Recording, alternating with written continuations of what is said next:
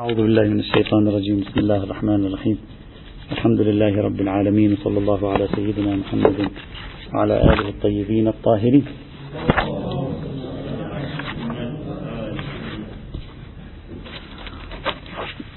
كنا بصدد الحديث عن المحور الثالث من المحاور المتصلة بفقه فقه القرآن في الأطعمة والأشربة وهو الأطعمة الخاصة الوارد النص عليها في الكتاب الكريم. قلنا هذا البحث له ثلاث خطوات ثلاث مراحل. في المرحلة الأولى حللنا ما هي هذه الأشياء التي تحدث عنها القرآن الكريم. ما معنى الميتة؟ ما معنى لحم الخنزير؟ ما معنى كذا؟ ما معنى كذا؟ ما معنى كذا؟ هذه حللناها وسرنا معها وشرحنا مثلا ما هو المراد من هذه وما هو المراد من هذه. في المرحلة الثانية الآن سنبدأ بها إن شاء الله تعالى. نتكلم عن القراءة السياقية لآيات تحريم الأطعمة الخاصة. يعني الآن نحن سابقا كنا ندخل داخل الآية نستخرج منها كلمة ميتة نقول ما معناها؟ كلمة ما أهل لغير الله ما معناها؟ كلمة آه، لحم الخنزير ما معناها؟ الآن نريد أن نقرأ هذه الآيات الأربع من الأعلى. نريد أن نقرأها ونرى قبلها وبعدها عن ماذا كان يتكلم القرآن الكريم. وما هو السياق؟ لماذا نريد أن نفهم ندرس هذا الموضوع؟ أولا سيساعدنا في الفهم ثانيا سيساعدنا في المرحلة الثالثة اللي هي هل هذه الآيات تفيد حصر المحرمات بها؟ وبالتالي لا يوجد محرم آخر أو لا؟ هذا هذا أهمية القراءة السياقية سياق يعني ما قبل وما بعد. الآن اليوم درسنا تقريبا يعني آه، قرآني. تفسيري أكثر منه آه، مماحكات فقهية.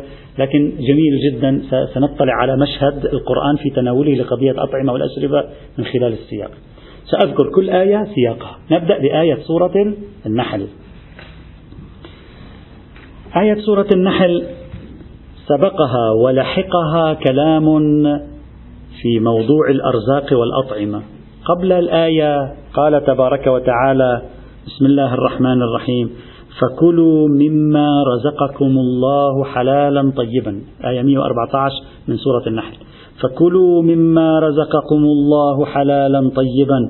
واشكروا نعمة الله إن كنتم إياه تعبدون. إنما حرم عليكم الميتة والدم ولحم الخنزير وما أهل لغير الله به. فمن اضطر غير باغ ولا عاد فإن الله غفور رحيم. ما قبله ترخيص. كلوا مما رزقكم الله حلالا طيبا. إنما حرم واحد اثنين ثلاثة أربعة. لاحظ مع السياق الآن بدأ يفهمنا أكثر أن القرآن يريد أن يركز على خصوصية تحريم هذه الأشياء. طيب. بعد هذه الآية هذه هي الآية. إنما حرم عليه بعدها مباشرة اقرأ معي بعدها مباشرة. يقول ولا تقولوا لما تصف ألسنتكم الكذب هذا حلال وهذا حرام. يعني لا تتجرأوا وتقولوا من عندكم هذا حلال وهذا حرام وهذا طعام حلال وهذا طعام حرام. هذا كله افتراء على الله. لاحظ معي؟ كلوا مما رزقكم الله حلالا طيبا. إنما حرم كذا وكذا. إياكم أن تحرموا تحللوا على ذوقكم وعلى مزاجكم. شوف سياق السياق الآن يعطينا إضاءة جديدة على الموضوع. ولا تقولوا لما تصف ألسنتكم الكذب. لا تقولوا الكذب تقولا بألسنتكم. هذا حلال وهذا حرام. لتفتروا على الله الكذب. إن الذين يفترون على الله الكذب لا يفلحون. متاع قليل ولهم عذاب أليم. الآن بيجي شخص يخطر في باله أن اليهود حرم الله عليهم بعض الأشياء غير هذه الأشياء التي حرمت هنا في القرآن الكريم. فكأن شخصا الآن يريد أن يناقش الله. والعياذ بالله. يريد أن يسأل يا مولانا أنت الآن قلت لنا كلوا مما رزقكم الله. إنما حرمت عليكم كذا وكذا. ثم قلت لنا لا تحرموا أي شيء من عندكم. أليس الله أليست أنت حرمت على اليهود كذا وكذا؟ كيف تقول هذا هو الحرام عند الله فقط؟ أنت حرمت أشياء أخرى على اليهود غير هذه. القرآن دفع دخل يجيب. يقول وعلى الذين هادوا حرمنا ما قصصنا عليك من قبل. سيأتي ما الذي قصه الله عليه. سوف نأتي ما الذي قصه الله على رسوله فيما حرمه على اليهود. وعلى الذين هادوا صحيح حرمنا ما قصصنا عليك من قبل. شوف لاحظ ذيل الآية. وما ظلمناهم ولكن كانوا أنفسهم يظلمون. ما معنى وما ظلمناهم؟ ولكن كانوا أنفسهم يظلمون. معناها أننا لم نحرم عليهم بعض الأشياء حكما أوليا في الشرع. هي طيبات ليست محرمات. لكن إنما حرمناها عليهم لأنهم هم ظلموا أنفسهم فعاقبناهم ببعض المحرمات وإلا تلك المحرمات في الأطعمة والأشربة التي وضعناها على اليهود هي ليست في شرع الله محرمة في الأصل. إنما حرمناها عليهم لظلمهم وإلا هي ليست محرمة. ولذلك لم نحرمها عليكم لأنكم لم تظلموا. دفع دخل دفع دخل مارسته الآية القرآنية الكريمة. إذا آية سورة النحل ما قبلها ترخيص في كلوا مما رزقكم الله. ما بعدها نهي عن التحريم. ثم بعد ذلك قد يأتي سؤال في ذهنك يقول طيب كيف تقول هذا الحرام فقط؟ ما هناك محرمات أخرى حرمها الله أيضا. أقول حرم الله على اليهود لظلمهم لا لأن تلك الأشياء محرمة في الأصل. السياق ماذا يعطي؟ إضاءة على المحرمات ومحاولة الحصر بها. ما في محرم آخر. ما الحرام الآخر إما بظلم وهو الذي حرمناه على اليهود وإما كذب وافتراء منكم. تحرمون وتقولون الله حرم والله لم يحرم شيئا. هذه آية سورة النحل. أما آية سورة البقرة. هذه الآية تشترك مع آية سورة النحل في السياق السابق عليها دون اللاحق. يعني قبل آية سورة البقرة اللي فيها محرمات. لاحظوا ماذا قال القرآن الكريم؟ قال تعالى يا أيها الناس سبحان الله آيات التحريم كلها محاطة بالترخيص ثم حصر. ترخيص ثم حصر. يا أيها الناس كلوا مما في الأرض حلالا طيبا. كل شيء في الأرض حلال لكم. ولا تتبعوا خطوات الشيطان إنه لكم عدو مبين. إنما يأمركم بالسوء والفحشاء وأن تقولوا على الله ما لا تعلمون. البقرة 168 169 تشبه الآية التي في سورة النحل. الآية التي في سورة النحل أيضا تقول كل شيء حلال لكم. إنما الحرام هو كذا وكذا. بعد آيتين هذه الآيات قرأناها الآن. بعد آيتين منها الآية 172 إلى 173 ماذا يقول؟ الآن يخاطب المؤمنين يقول لهم يا أيها الذين آمنوا مرة ثانية يا أيها الذين آمنوا كلوا من طيبات ما رزقناكم واشكروا لله إن كنتم إياه تعبدون إنما حرم عليكم الميتة والدم ولحم الخنزير وما أهل به لغير الله فمن اضطر غير باغ ولا عاد فلا إثم عليه إن الله غفور رحيم. هذه الآية الثانية. شوف لاحظ قبلها بثلاث آيات إعلان أن الأرض كلها حلال كلوا فيها منها. بعد آيتين خطاب للمؤمنين كلوا حلالا طيبا ما في إشكال كلوا ما تريدون ما في مشكلة. ثم استخدم أداة الحصر إنما حرم عليكم كذا وكذا. تتشابه آيات سورة النحل مع آيات سورة البقرة في أنها تضع آية تحريم الأطعمة الخاصة مستخدمة أداة الحصر ضمن سياق ترخيصي. كل حلال كل حلال كلوا كلوا كلوا وإياكم أن تحرموا إنما الحرام كذا وكذا. أما آية سورة المائدة آية سورة المائدة نجد إذا أخذنا سورة المائدة في مطلع سورة المائدة ماذا تلاحظون في مطلع سورة المائدة؟ لاحظوا قال تعالى أول آية في سورة المائدة قال تعالى يا أيها الذين آمنوا أوفوا بالعقود أحلت لكم بهيمة الأنعام إلا ما يتلى عليكم غير محل الصيد وأنتم حرم إن الله يحكم ما يريد. ما معنى أحلت لكم بهيمة الأنعام إلا ما يتلى عليكم؟ ما هو الذي يتلى علينا؟ قال بهيمة الأنعام حلال إلا ما سنتلوه عليكم. ما هو الذي سيتلوه علينا؟ هنا تلا علينا. قال غير محل الصيد وأنتم حرم. وهذه مسألة الصيد انتهينا منها في, في الإحرام. ما هي هذه الأشياء التي سيتلوها الله علينا؟ حرام في الأنعام. هي الذي ذكرها في الآية بعد ثلاث أربع آيات. ماذا قال؟ قال حرمت عليكم الميتة. هذه الأنعام الميتة حرام. حرمت عليكم ميت اترك الدم ولحم الخنزير. وما أهل لغير الله به والمنخنقة والموقوذة والمتردية والنطيحة وما أكل السبع إلا ما ذكيتم وما ذبح على النصب هذه الأنعام التي يتلى عليكم. فما معنى الآية؟ معناها بهيمة الأنعام. حلال عليكم البهائم. حلال عليكم إلا هذا الذي يتلى عليكم. أين يتلى عليكم؟ في الآية اللاحقة من سورة المائدة. طبعا هذا في الأنعام. فلاحظ أيضا دائما قبلها إحلال كل شيء تحليل كل شيء ثم استثناء حالات خاصة وهي التي ذكرها الله سبحانه وتعالى في هذا المضمار نجي للآية سورة الأنعام وهي أهم واحدة. آية سورة الأنعام أهم آية هنا في في سياقها بالنسبة لموضوع السياق.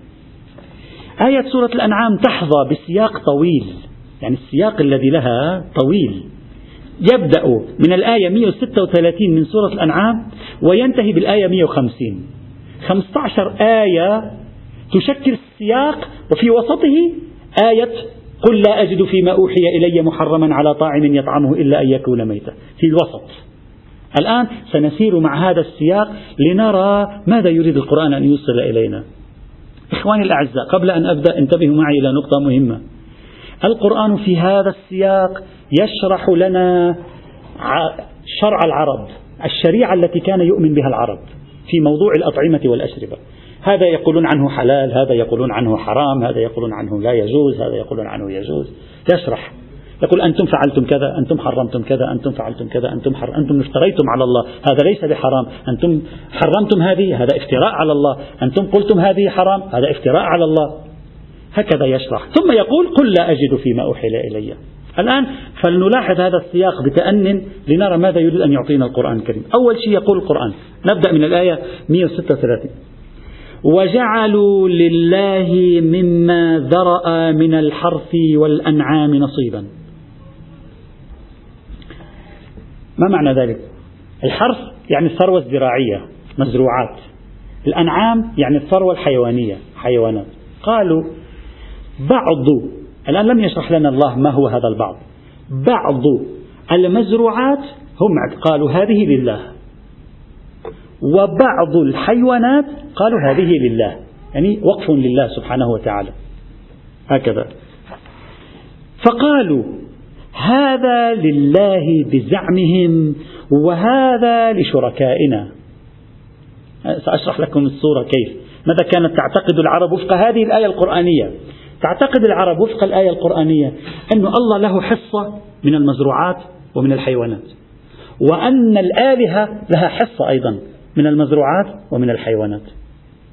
صار عندنا حصتين حصة لله وحصة للآلهة. حصة لله وحصة للآلهة. قال وجعلوا لله مما ذرأ من الحرث والأنعام نصيبا. فقالوا هذا لله بزعمهم. لاحظ دائما يتهمهم بالكذب. بزعمهم. وهذا لشركائنا. طيب. إذا فرضنا أن الذي لله بقي مثلا لنفرض أن شجرة التين هذه هم يعتقدون بأن خمسة بالمئة منها لله يعني يصرفونها فيما هو لله سبحانه وتعالى. وأن شجرة التفاح مثلا خمسة بالمئة منها للآلهة تصرفونها في خدمة المعبد في خدمة الأصنام سدنة الكعبة سدنة الأصنام مثلا. الآن هذه الخمسة بالمئة من التين التي لله بقيت. وهذه الخمسة بالمئة من التفاح التي للأصنام لسبب ما تلفت. تلفت. فماذا يفعلون؟ قالوا إذا تلف الذي للأصنام نأخذ الذي لله ونعطيه للأصنام. نصرفه على خدمة الأصنام. طيب إذا تلف الذي لله هل تأخذون الخمسة بالمئة التي للتفاح تعطونها لله؟ لا. لاحظ الآية معي جيدا. قال فقالوا هذا لله بزعمهم وهذا لشركائنا فما كان لشركائهم فلا يصل إلى الله. يعني إذا كان شيء لشركائهم ولا يمكن يعطوه لحصة الله. وما كان لله فهو يصل إلى شركائهم. يعني إذا شيء لله واحتاجته الآلهة يعطوه للآلهة. ساء ما يحكمون. القرآن يندد أن هذا كله افتراء كله هذا زعم. ساء ما يحكمون. وكذلك زين لكثير من المشركين قتل أولادهم شركاؤهم. أي شركاؤهم زينوا لهم أن يقتلوا أولادهم ليردوهم وليلبسوا عليهم دينهم. ولو شاء الله ما فعلوه فذرهم وما يفترون. هذه الآية الأولى.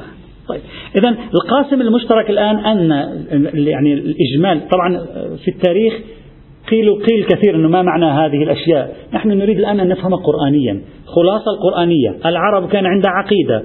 بعض المحاصيل الزراعية لله بعض المحاصيل الزراعية للآلهة بعض الأنعام لله بعض الأنعام للآلهة. كيف لا نعرف؟ كيف لا نعرف؟ كيف كان يقسم نعرف إذا شيء لله يمكن أن يضعوه في حصة الشركاء فيخدموا به الأصنام. أما إذا شيء للشركاء لا يضعونه لله فيخدم به ما هو لله سبحانه وتعالى. ثم قال وقالوا هذه أنعام وحرث حجر لا يطعمها إلا من نشاء بزعمهم. بعض المزروعات كانوا يجعلون بعض المزروعات والأنعام وقفا على الآلهة. يقولون هذه بعض المزروعات ما هي لا نعرف القرآن لم يفصل. مثلا لنفترض نوع من الأنعام في حالة ما كانوا يجعلونه للآلهة. ويقولون لا يمكن أن يأكل من هذه أحد. هذه خاصة فقط بشؤون الآلهة. وقف على الآلهة. تذبح للآلهة. تقدم قرابين. تقدم للأصنام. وقالوا هذه أنعام وحرث. يعني حيوانات ومزروعات. حجر. ما معنى حجر؟ يعني ممنوع أحد يتصرف فيها. حجر لا يطعمها إلا من نشاء بزعمهم. هذه يخترعون. مثلا أنت يمكنك أن تأكل أنت لا يمكنك أن تأكل. أنت يجوز لك أنت ما يجوز لك. أنت مثلا كذا أنت كذا. وأنعام حرمت ظهورها. ما هي الأنعام التي حرمت ظهورها؟ في ثلاث أنعام بحسب العقيدة العرب حرمت ظهورها يعني لا يركبون عليها. هي عبارة عن القرآن تكلم عنها في سورة المائدة الآية 103 هي عبارة عن البحيرة السائبة والحام القرآن تكلم عن أربعة هناك. تكلم عن البحيرة السائبة الوصيلة والحام. الوصيلة لا علاقة لها بالموضوع لأن الوصيلة تركب. الآية هنا ماذا تقول؟ تقول وأنعام حرمت ظهورها. ما معنى أنعام حرمت ظهورها؟ يعني قالوا هذه الأنعام لا يجوز الركوب عليها. ما هي هذه الأنعام التي أفتى فقهاء العرب بعدم جواز الركوب عليها؟ ثلاثة. السائبة والبحيرة والوصيلة. اختلفوا ما هي السائبة والبحيرة عفوا والحام. الحام قالوا ذكر الجمل ذكر الإبل. إذا جاء بعشرة بطون يعني جعل عشرة أنافي تحمل منه فيقولون هذا حمى ظهره. يعني هذا خلاص حامي حامي حمى ظهره. إذا جئنا بذكر الإبل ثم جعلناه ينزو على أنثى الإبل على الناقة فجاءت منه بولد. فجئنا به مرة ثانية فنزى على ناقة فجاءت له بولد. فنزى ثالثة على ناقة يعني آه، مارس معها العلاقة الجنسية فجاءت بولد. إذا نزى عشر مرات وجاء في العشرة بولد قالوا هذا حمى ظهره. فبعد ذلك يعني هذا يعني يريدون يحترموه يقول له بارك الله فيك أنت ذكر يعني شغال واستطعت أن تنجب عشرة بطون فلا يركبون على ظهره. طبعا هذه كلها فقه. بالنسبة إليهم فقه شريعة مش أنه مزاج شريعة وينسبون ذلك إلى الله. هذا الحام أما السائبة قالوا هي الناقة التي كانت تنذر تنذر للآلهة لا تركب. تعتق للآلهة. وهذه ناقة للآلهة. في خدمة المعبد. في خدمة الأصنام يستعملها المعبد كما يريد. يقول إذا كانت الناقة قد نذرت أو عتقت للأصنام فلا يجوز لأحد أن يركبها. هذه يسمونها السائبة. وأما هذه السائبة. وأما البحيرة فهي عبارة عن الناقة التي أولدت خمس مرات. يعني أم ناقة أم خمس بطون خمس مرات جابت أولاد. فهذه يشقون أذنها يقولون بحروا أذنها أي شقوا أذنها فهي علامة على أنها أولدت خمسة أولاد فبعد ذلك لا يركبون على ظهره. فإذا هم لا يركبون على ظهر الناقة التي أنجبت خمس أولاد ولا يركبون على ظهر الذكر الإبل الذي من صلبه خمس عشر بطون جاءت ولا يركبون على ظهر السائبة التي عتقت أو نذرت للآلهة. حرموها قالوا هذا حرام. الآن الآية القرآنية التي نحن فيها هذه شرحها الله في سورة المائدة. الآن في سورة الأنعام الآية القرآنية ماذا تقول؟ يقول وقالوا هذه أنعام وحرث حجر لا يطعمها إلا من نشاء بزعمهم وأنعام حرمت ظهورها. ما هي التي حرمت ظهورها؟ الثلاثة السائبة البحيرة الحام. وأنعام لا يذكرون اسم الله عليها. هذا كله هذه المحرمات كلها التي كان يفعلها العرب افتراء عليه. افتروا على الله. قالوا الله حرم لنا هذا هذا هذا من دين الله. سيجزيهم بما كانوا يفترون. إذا لاحظ معي السياق من أوله توصيف محرمات العرب في الأطعمة ثم تنديد بهم. رفض لقولهم. تحرمون تكذبون تفترون على الله تبارك وتعالى. ثم يقول وقالوا بعد هذه فقه الأطعمة والأشربة عند العرب قبل الإسلام. فقه الأطعمة والأشربة عند العرب قبل الإسلام. وقالوا ما في بطون هذه الأنعام خالصة لذكورنا ومحرم على أزواجنا. يعني هذه الأنعام التي لها خصوصيات خاصة إذا جاءت بولد هذه حلال أن علينا نحن حلال نحن الذكور علينا حلال. أزواجنا يحرم عليهم أن يأخذوا من أولاد هذه الأنعام. وإن يكن ميتة فهم فيه شركاء. يعني كيف؟ يعني هذه الأنعام الخاصة التي حرموها إذا أتت بولد إذا كانت بطونها أتت بولد. هذا الولد إذا كان حيا سليما يجوز لنا نحن الذكور أن نأكل منه لا يجوز للإناث أن تأكل منه. طيب إذا هذا الولد الذي في البطن نزل ميتا جنين نزل ميتا لم يحيا فنذبحه فنأكل نحن الذكور منه ولا تأكل الإناث منه. إذا نزل ميتا قال لا بأس إذا نزل ميتا يجوز للرجال والنساء أن يأكلوا منه. إذا نزل ميتا من بطون الأنعام المقدسة هذه الجنين الذي ينزل حيا من بطون هذه الأنعام المقدسة خاص لنا نحن الذكور محرم على أزواجنا. الجنين الذي ينزل من بطون هذه الأنعام المقدسة إذا نزل ميتا ليس حيا. يجوز للرجال والنساء أن يأكلوا منه. لا بأس فيه. لا إشكال. والأحوط استحبابا الترك. على الفتوى الجاهلية قبل الإسلام. وقالوا ما في بطون هذه الأنعام خالصة لذكورنا ومحرم على أزواجنا. وإن يكن ميتة فهم فيه شركاء. سيجزيهم وصفهم. يعني سينزل الله عليهم جزاء على ما يقولون. كلها افتراءات على الله. سيجزيهم وصفهم. إنه حكيم عليم. قد خسر الذين قتلوا أولادهم سفها بغير علم. وحرموا ما رزقهم الله. شوف تنديد بالتحريم فيما رزقك الله. لا تحرم. وحرموا ما رزقهم الله افتراء على الله. قد ضلوا وما كانوا مهتدين. وهو الذي أنشأ ألآن يذكر لك الخيرات كل حلال يقول لك كل حلال هذه. وهو الذي أنشأ جنات معروشات وغير معروشات. معروشات جنات المعروشات التي لها ارتفاع. غير معروشات ليس لها ارتفاع. والنخل والزرع مختلفا أكله. يعني أنواع النخيل والزرع مخ... أنواع متعددة من الطعام. والزيتون والرمان متشابها وغير متشابه. يعني له طعم يشبه بعضه وله طعم لا يشبه بعضه. له شكل يشبه بعضه وله شكل لا يشبه بعضه. كلوا من ثمره إذا أثمر وآتوا حقه يوم حصاده الزكاة. ولا تسرفوا إنه لا يحب المسرفين. ثم بعد ذلك قال الآن سنصل إلى الآية. فلاحظ معي كل هذا السياق والآن سيأتي الحصر. قل كل هذا الذي تقولونه افتراءات على الله. لا يوجد محرمات من هذا في الشرع. فقط المحرمات هي هذه. هذا الموضوع سوف يكون له تأثير كبير على العلاقة بين الكتاب والسنة. يعني السياق القرآني كله سياق تشديد على أنه فقط هذه المحرمة. بينما في السنة مئات الأشياء محرمة. كيف نفهم هذه؟ هذا الذي يجب علينا أن نفكر فيه. ثم يقول ومن الأنعام حمولة وفرشة. يعني الله خلق لكم من الأنعام حمولة وفرشة. اختلفوا في معنى الحمولة والفرش. بعضهم قال الأنعام الحمولة هي الأنعام العالية مثل الإبل.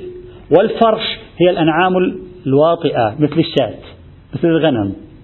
وقالوا الأنعام الحمولة هي الأنعام التي نحمل على ظهرها شيئا مثل الحمار مثل الإبل نحمل على ظهرها. والأنعام الفرش هي الأنعام التي نتخذ من جلودها ما نفترشه مثل الغنم. نأخذ من جلوده ما نفترشه. الغنم عادة الصوف صوف الغنم. الله يقول له يعطف يقول وقد خلق الله لكم من الأنعام حمولة وفرشا. كلوا مما رزقكم الله كلوا. ولا تتبعوا خطوات الشيطان إنه لكم عدو مبين. طيب ما الذي خلقه لنا الله من الأنعام ثمانية أزواج. خلق الله لنا بحسب هذه الآية يقول ثمانية أزواج. ما معنى ثمانية أزواج؟ يعني الضأن والمعز والإبل والبقر. هذه الضأن الغنم يعني. الضأن المعز الإبل البقر. أربعة. كل واحدة منها ذكر وأنثى. كم واحد صار؟ ثمانية. ثمانية أزواج من الضأن اثنين. ومن المعز اثنين. قل الآن يجدد بهم قل الله يعني الله. قل الذكرين حرم أم الأنثيين؟ الله حرم الذكرين أم حرم الأنثيين؟ يعني ذكري الضأن والمعز وأنثيي الضأن والمعز. الله حرم الذكرين أو الأنثيين؟ أو مش أم ما اشتملت عليه أرحام الأنثيين. نبئوني بعلم إن كنتم صح الله لم يحرم شيء.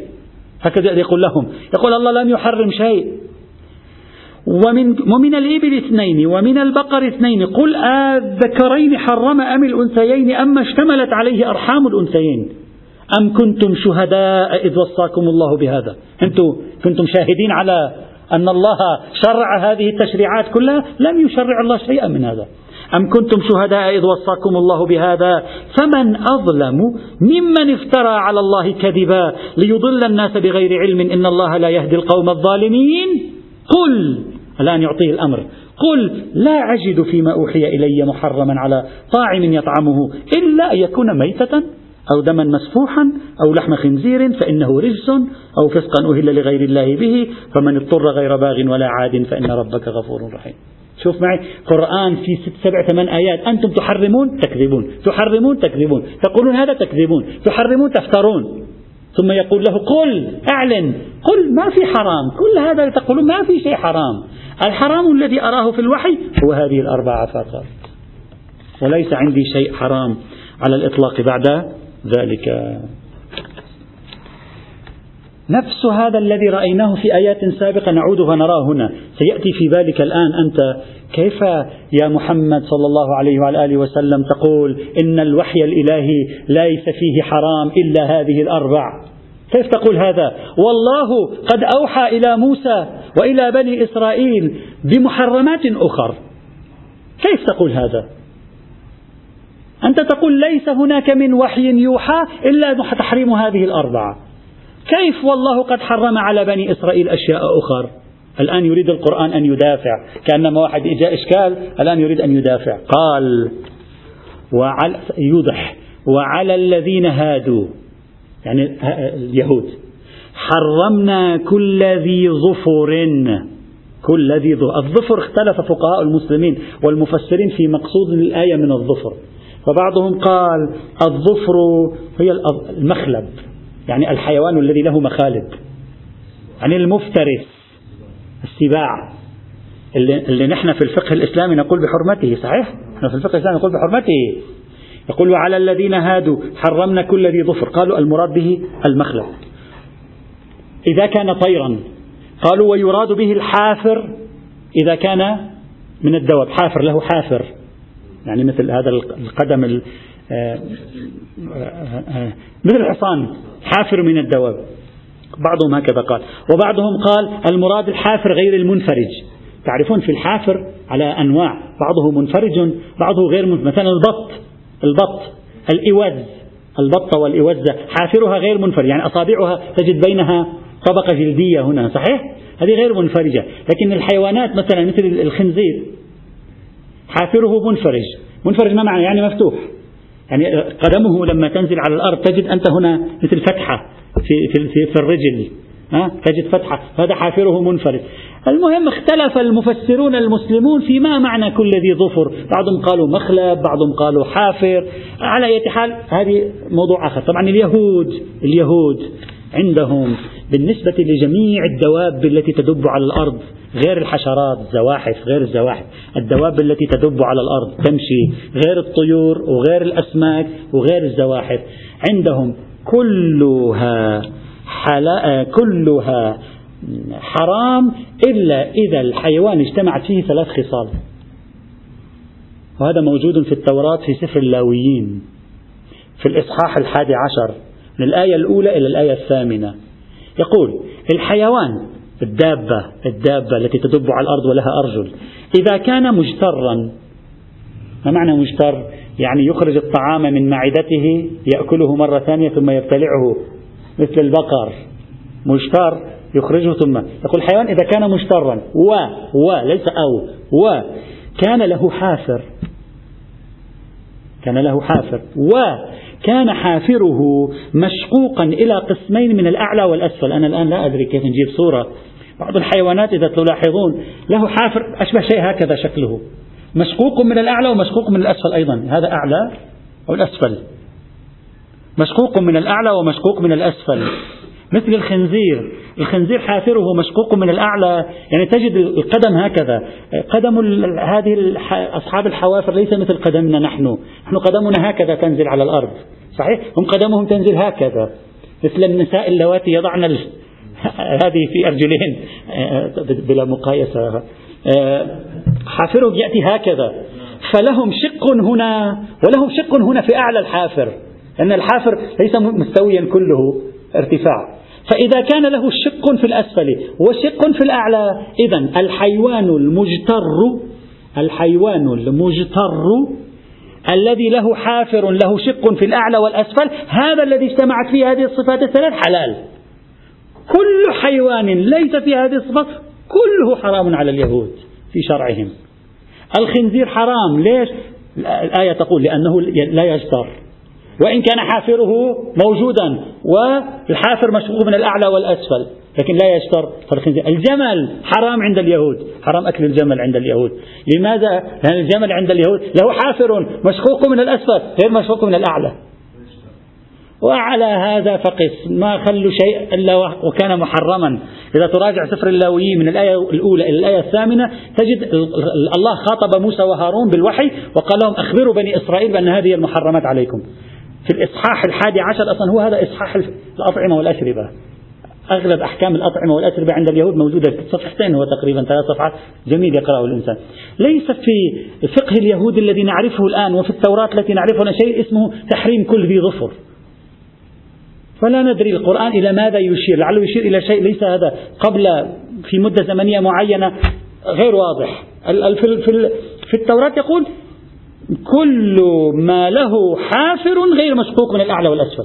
ليس كل ما له حافر. إذا كان له حافر مشقوق من الأعلى والأسفل فهو حلال. وعلى أي حال. فالقرآن يقول يقول وعلى الذين هادوا حرمنا كل ذي ظفر ومن البقر والغنم حرمنا عليهم شحومهما. يعني اللحم حلال الشحم حرام. الشحم الدهون الدهون. غنم وبقر الدهون حرام. نحن الآن بسبب الكوليسترول إذا ذهبنا إلى القصاب نقول له خفف الدهن مثلا اللي عنده مشكلة كوليسترول يقول له خفف الدهن الدهن مثلا. هنا الله سبحانه وتعالى حرم عليهم الشحوم. فقال فقط تأكلون اللحم. اللحم بدون شحم تعرفون لا يعطي الطيبة ينكمش. فكأن الله يريد أن يعاقبهم. اللحم من الأنعام. اللحم بدون الشحم ليس لا يعطي طراوة لا يعطي هذا لا أدري كيف أشرح. فالله حرمها عليهم عقابا. الآن هو سيقول عقابا. يقول ومن البقر والغنم حرمنا عليهم شحومهما إلا ثلاث شحوم فقط. إلا ما حملت ظهورهما الشحم الذي يكون على الظهر. تقول هذا يمكن أن تأخذوه؟ تأكلوه. أو الحوايا الشحم الذي يكون مع الأمعاء. يعني الحوايا هي عبارة عن كل شيء موجود في داخل بطن الحيوان الدابة. هذه الحوايا إذا عليها شحمون لا بأس هذا الشحم حلال. إلا ما حملت ظهورهما أو الحوايا أو ما اختلط بعظم. يعني عظم عليه قليل من الشحم. لا بأس. يجوز. مثل الدرهم اللي بيغلي يجوز. يعني هذا معفو عنه. فشوف الله سبحانه وتعالى حرم عليهم كل ذي ظفر. والبقر والغنم حرم عليها عليهم منها الشحوم. واستثنى ثلاثة ما حملت ظهورهما أو الحوايا أو ما اختلط بعظم. ثم يقول ذلك جزيناهم ببغيهم. يعني كأنما يقول هذه ليست حرام أصلا. هذه طيبات لكن هذا لبغيهم.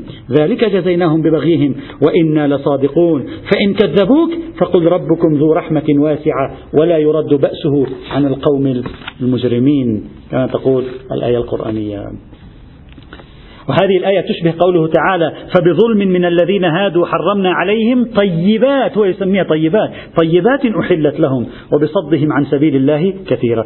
ثم يختم القرآن الآيات هذه تختتم بهذا بقوله سيقول الذين أشركوا. هذا الإشكال المعروف أنه لو كانت هذه المحرمات التي حرمناها نحن ليست محرمة عند الله فلماذا سمح الله لنا أن نحرمها؟ وهو صاحب المشيئة المطلقة. لما سمح لنا الله أن نحرمها إذا هي, هي حرام عنده. هذا الإشكال المعروف. وقالوا سيقول الذين أشركوا لو شاء الله ما أشركنا ولا آباؤنا ولا حرمنا من شيء. كذلك كذب الذين من قبلهم. حتى ذاقوا بأسنا. قل هل عندكم من علم فتخرجوه لنا إن تتبعون إلا الظن وإن أنتم إلا تخرصون. قل فلله الحجة البالغة فلو شاء لهداكم أجمعين. قل هلم شهداءكم الذين يشهدون أن الله حرم هذا. جيب شهداءكم. من من عنده دليل على أن الله حرم هذه الأشياء التي تدعون؟ فإن شهدوا فلا تشهد معهم لأن شهادتهم شهادة زور. ولا تتبع أهواء الذين كذبوا بآياتنا والذين لا يؤمنون بالآخرة وهم بربهم يعدلون. إذا هذا هو السياق. لاحظنا إخواني الأعزاء في سياق الآيات الأربع التي ذكرت التنصيص أقواها سياق سورة الأنعام بعدها سياق سورة البقرة والنحل آخرها سياق سورة المائدة. في سياقات هذه الآيات الأربع كلها القرآن قبل وبعد يهتم كثيرا لأن يقول حلال. كلوا هذا خلقه الله لكم.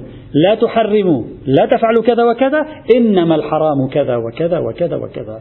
هذا السياق مع استخدام أداة الحصر يأتي في ذهننا سؤال هل القرآن الكريم أعلن أن لا محرمات أطعمة وأشربة في الإسلام إلا هذه الأربعة أو لا. إذا أعلن إذا كان القرآن الآن بحث قرآني فقط. إذا القرآن أعلن بوضوح ودال بظهوره على أن لا حرام في الأطعمة والأشربة إلا هذه الأربع نحن نواجه مشكلة. يجب علينا أن نبحث حينئذ هذا الإعلان القرآني بالحصر ونسبته إلى السنة الشريفة. كيف نحل المشكلة؟ وقلت سابقا قلت العلماء ذكروا عشرة حلول بحسب ما تتبعت أنا عشرة حلول لمعالجة هذه المشكلة. يعني ذكروا عشرة حلول لمعالجة هذه المشكلة. طبعا نحن بعد فيما بعد سنبحث هذه. لكن الآن سنبحث المرحلة الثالثة. هل القرآن بعدما فهمنا السياق وتركيب الآيات هل يعلن لا محرمات في دين الإسلام في الأطعمة والأشربة إلا هذه الأربعة أو لا؟ هذا هو البحث القادم يوم السبت إن شاء الله تعالى. والحمد لله رب العالمين. الانحصار. نعم نعم. أحسنتم عليكم.